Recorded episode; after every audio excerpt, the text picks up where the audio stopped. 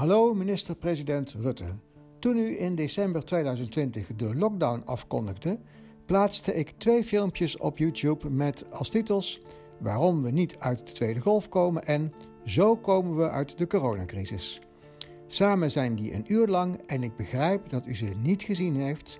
Het kost te veel tijd van u, maar nu u de lockdown verlengt, nog eens een bijdrage van mij, ook weer over diezelfde onderwerpen, maar dan in het kort, met iets andere accenten.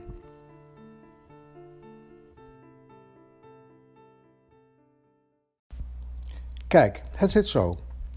U heeft vier parameters waarop u deze crisis aanstuurt. 1. De PCR-bepalingen. 2. De druk op de zorgafdelingen. 3. De bezetting van de IC's. En 4. De sterfte. En er is altijd wel een parameter waar u zich ernstig zorgen over maakt. Nu is het zo dat begin 2021 het wel best goed gaat met de parameters, behalve met de sterfte. Gelukkig grijpt u die parameter nou niet aan, want sterfte loopt in de modellen altijd achter op de ontwikkelingen. Weet u wel dat model? Eerst lopen de besmettingen op, daarna de ziekenhuisopnames, daarna de IC-bezettingen en pas later het aantal doden. Dat doet u dus niet, maar nu maakt u zich weer zorgen over iets nieuws, namelijk het aantal besmettingen in de toekomst. Ah, dacht ik. Had ik nog zo'n mooi schema gemaakt, maar u voegt er weer iets aan toe. Eigenlijk doet u dat niet. Nee, dat doet, een lijkt wel, nieuw virus, zoals u het uitlegt. Het Britse virus. U heeft daar een déjà vu over, om maar eens een Franse term te gebruiken. In februari, maart zag u te laat de Italiaanse bui hangen en dat zal u met de Britse bui niet overkomen. En daarbij wordt u als altijd in het zadel geholpen door de pers. Die lieten in maart volop vrachtwagens met lijken door Italiaanse steden rijden. En nu zien we op de tv, nu de brexit geen plaatjes meer oplevert van rijen vrachtwagens aan de grens, nu een file van ziekenwagens die vruchteloos proberen patiënten af te zetten in overvolle ziekenhuizen in de UK. Een harde werkelijkheid die plots op ons afkomt en die de even harde voortzetting van de lockdown rechtvaardigt. Nu ben ik geen corona-ontkenner, maar ik weet wel iets over de UK. Als wij in Nederland de corona nauwelijks het hoofd kunnen bieden, omdat onder uw regeringen de capaciteit van de IC tot de laagste drie van Europa is afgebouwd, dan vertel ik u nu dat de UK het plaatsje naast Nederland heeft ingenomen. Namelijk, het is het vierde land van onder in het rijtje van de minste IC-bedden in Europa. Je zou het er corona benauwd van krijgen. Maar er is een ding waar de Britten ons nog in voorbijgestreefd hebben. Dat is het aantal bedden. We hebben er altijd nog 3 op 100.000 en de Britten maar 2,4. En dan is het erin en eruit bij een opname. Maar die verdomde COVID-patiënten die willen wel erin, maar die gaan er niet zo snel meer uit. Dat verklaart toch niet die toestroom van ambulances, hoor ik u nu toch zeggen? Nou, klopt helemaal. Ik moet natuurlijk wel oorzaak en gevolg noemen en niet steeds zeuren over die afbouw van het ziekenhuis, de te lage lonen, het grote personeelsverloop vanwege de slechte arbeidsvoorwaarden in de verpleeg- en verzorgingshuizen, waar de mensen werken die zorgen voor de ouderen. De ouderen die wij niet meer in ons gezin opnemen, maar laten verblijven in die verpleeg- en verzorgingshuizen waar in de eerste golf zo'n schrijnend gebrek was aan beschermende materialen. Nee, nee, laten we nou oorzaak en gevolg bij elkaar zetten wat betreft die ambulances. Ja, ik wil niet ontkennen dat we te maken hebben met een virus dat zich snel verspreidt. Maar kijkt u eens naar het plaatje.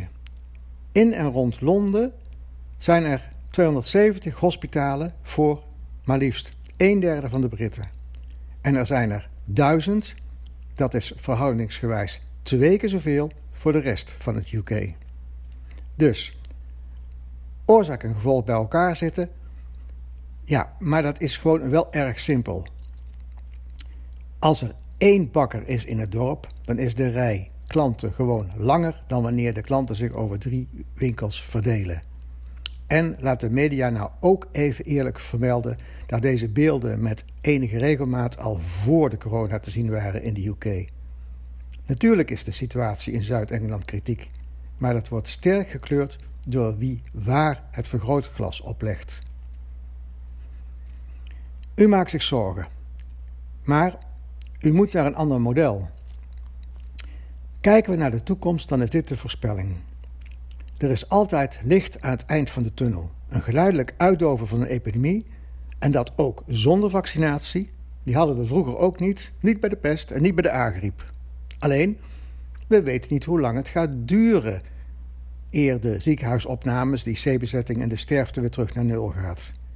Waarbij er steeds angstaanjagende getallen door rond doen bij een ziekte die overigens voor 98% van de bevolking niet gevaarlijk lijkt te zijn. Er is wel iets wat steeds maar blijft stijgen. Dat is de PCR-aantallen. Daar zorgt u namelijk zelf voor. Nu bijvoorbeeld weer met het testen van hele dorpen. Ik ga niet weer dat hele saaie verhaal vertellen van mijn vorige presentatie van hoe aanpassingen in de PCR-methodiek de cijfers opgejaagd hebben. Maar het steeds uitbreiden van indicaties voor testen, testen, testen, daarmee houdt u de spanning er goed in. Aanvullend op de vorige presentatie, kijk eens naar de verdeling van de PCR over de leeftijdsgroepen. Door het testen van hele dorpen zullen er weer meer positieve uitslagen komen. En de toename van de PCR bij volwassenen en bij kinderen onder de 65 zal de PCR-curve wel doen stijgen. En dan gaat u zich weer meer zorgen maken en dan kunt u de lockdown weer aanscherpen. En zo houdt de crisis zichzelf in stand. De PCR-methodiek, ik zeg het maar eens, en het kan niet vaak genoeg gezegd worden, is een methode die bedoeld is voor het ondersteunen van een medische beslissing. De zogenaamde medische diagnose. Maar die wordt nu gebruikt als monitor. De PCR wordt misbruikt voor het vervolgen van een epidemie en dat voor het eerst in de geschiedenis. Zonder dat we precies begrijpen wat nu eigenlijk meten en nog minder wat we ermee aanrichten. Wat mij betreft ook de laatste keer dat we dat op deze manier doen. Maar waarom zou u luisteren naar een gepensioneerde huisarts? Wie heeft toch het OMT? Kijk, ik leg het nog eens uit.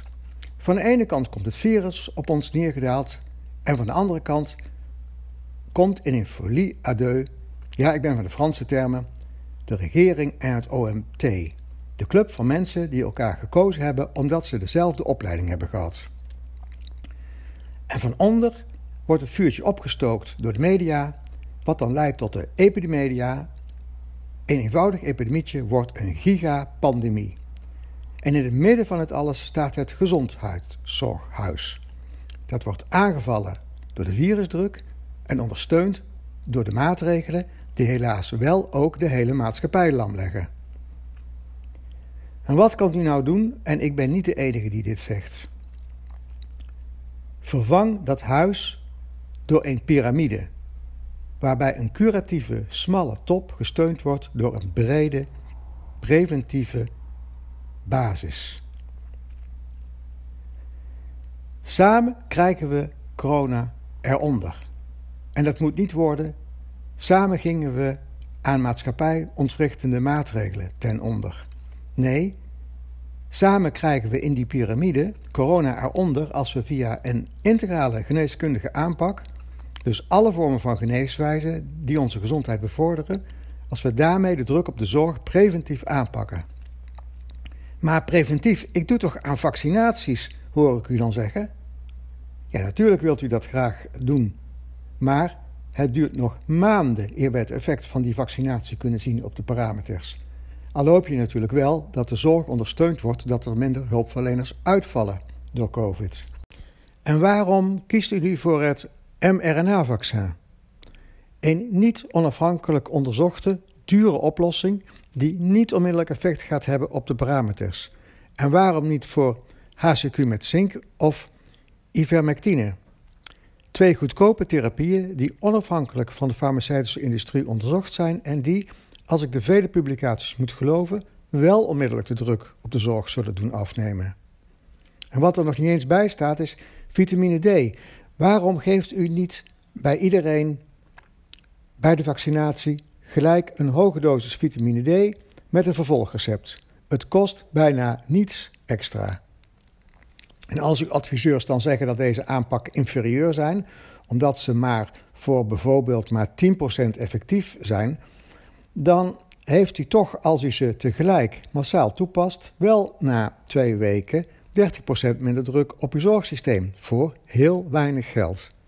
En deze aanpak werkt voor iedere variant van het virus, Wuhan of Brits.